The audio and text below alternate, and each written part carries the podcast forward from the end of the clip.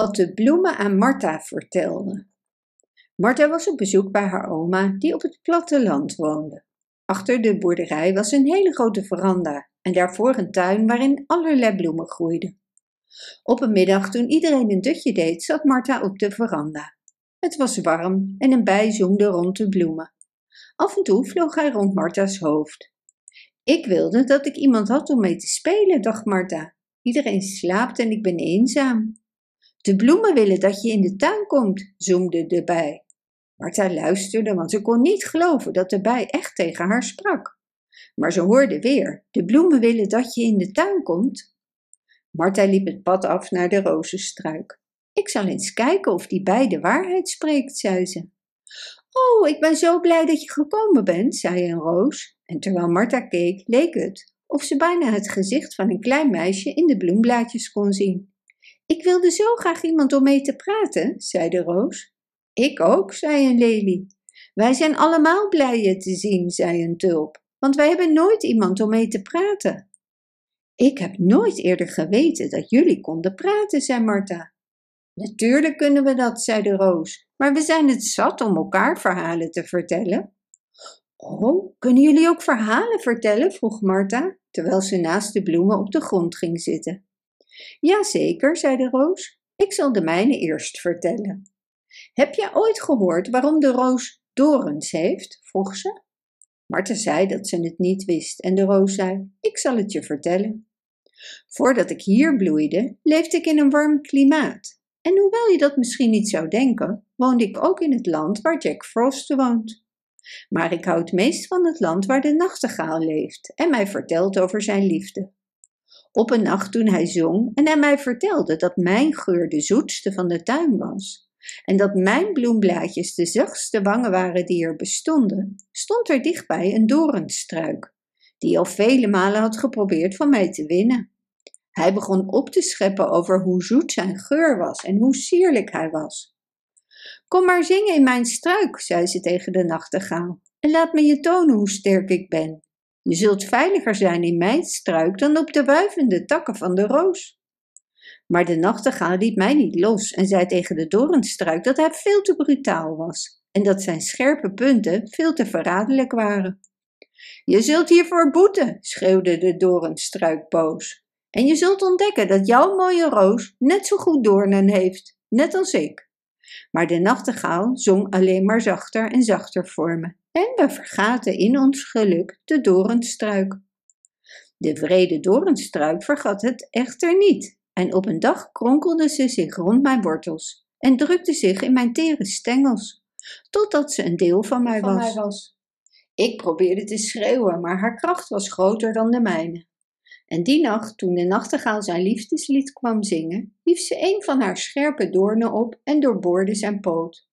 Zo, nachtegaal, nu zie je dat jouw mooie roos ook verborgen doornen heeft, zei ze, en dat ze niet meer en beter is dan ik.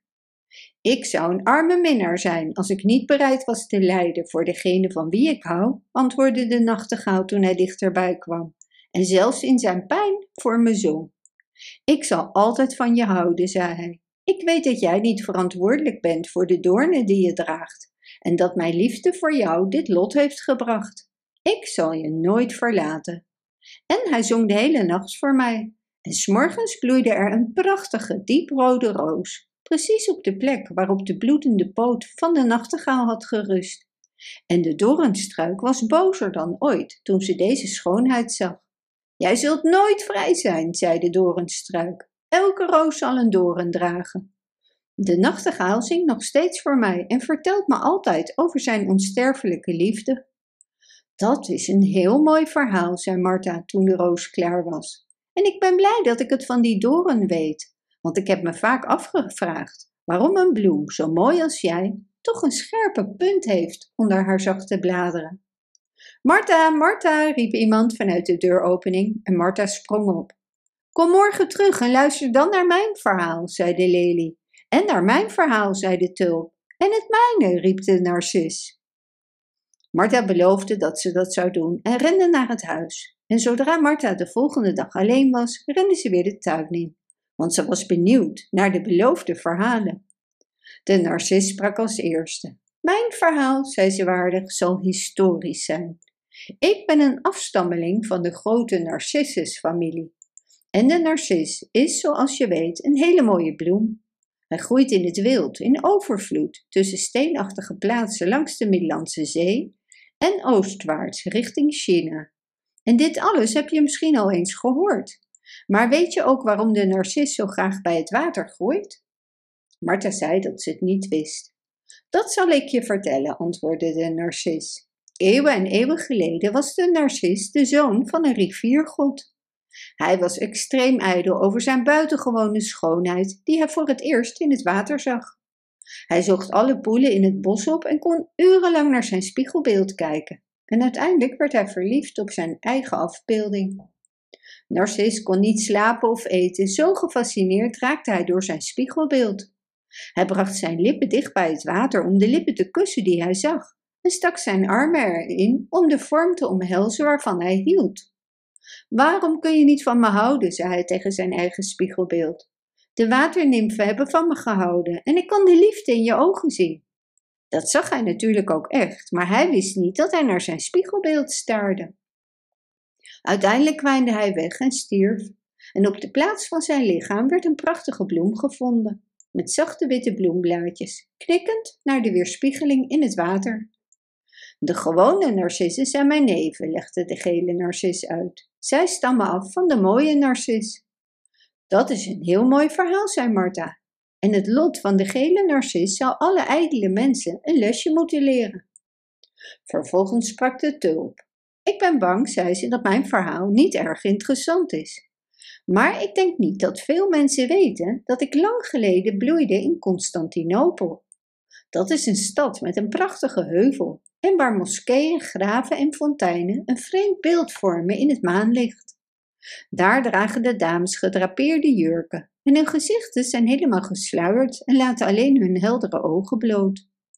Daarna bloeide ik op in een land waar iedereen gelukkig leek, en dat is het land waar ik het meest van hou. De kinderen in dat land zien eruit als kleine opgezette poppetjes met dikke kleren aan en nauw sluitende mutsen rond hun mollige gezichtjes. Hun schoentjes kletteren over de stenen als vele paarden in de verte. Daar was ik het meest geliefd en groeide ik op in overvloed en schoonheid, rond de schilderachtige huizen van deze vreemd uitziende mensen. Ah, arme ik, het is een heel eind hier vandaan, zuchtte de tulp. En ik verlang er vaak naar om het geluid van de Zuiderzee te horen, zoals ik dat eens lang geleden gehoord heb. Ach, kijk, ze is gaan slapen, zei Martha toen de tulp zich sloot en haar hoofd liet hangen. En ik moet naar binnen. Grootmoeder is vast op zoek naar me. Kom je nog een keer terug? vroegen de bloemen. Er zijn nog veel meer bloemen die verhalen te vertellen hebben. Ik zal ze graag horen, zei Martha, want ik had geen idee dat bloemen zulke interessante verhalen konden vertellen. Bedankt voor het luisteren. Wist je dat je dit verhaal ook op onze website ridiro.com/nl kunt lezen, downloaden en printen?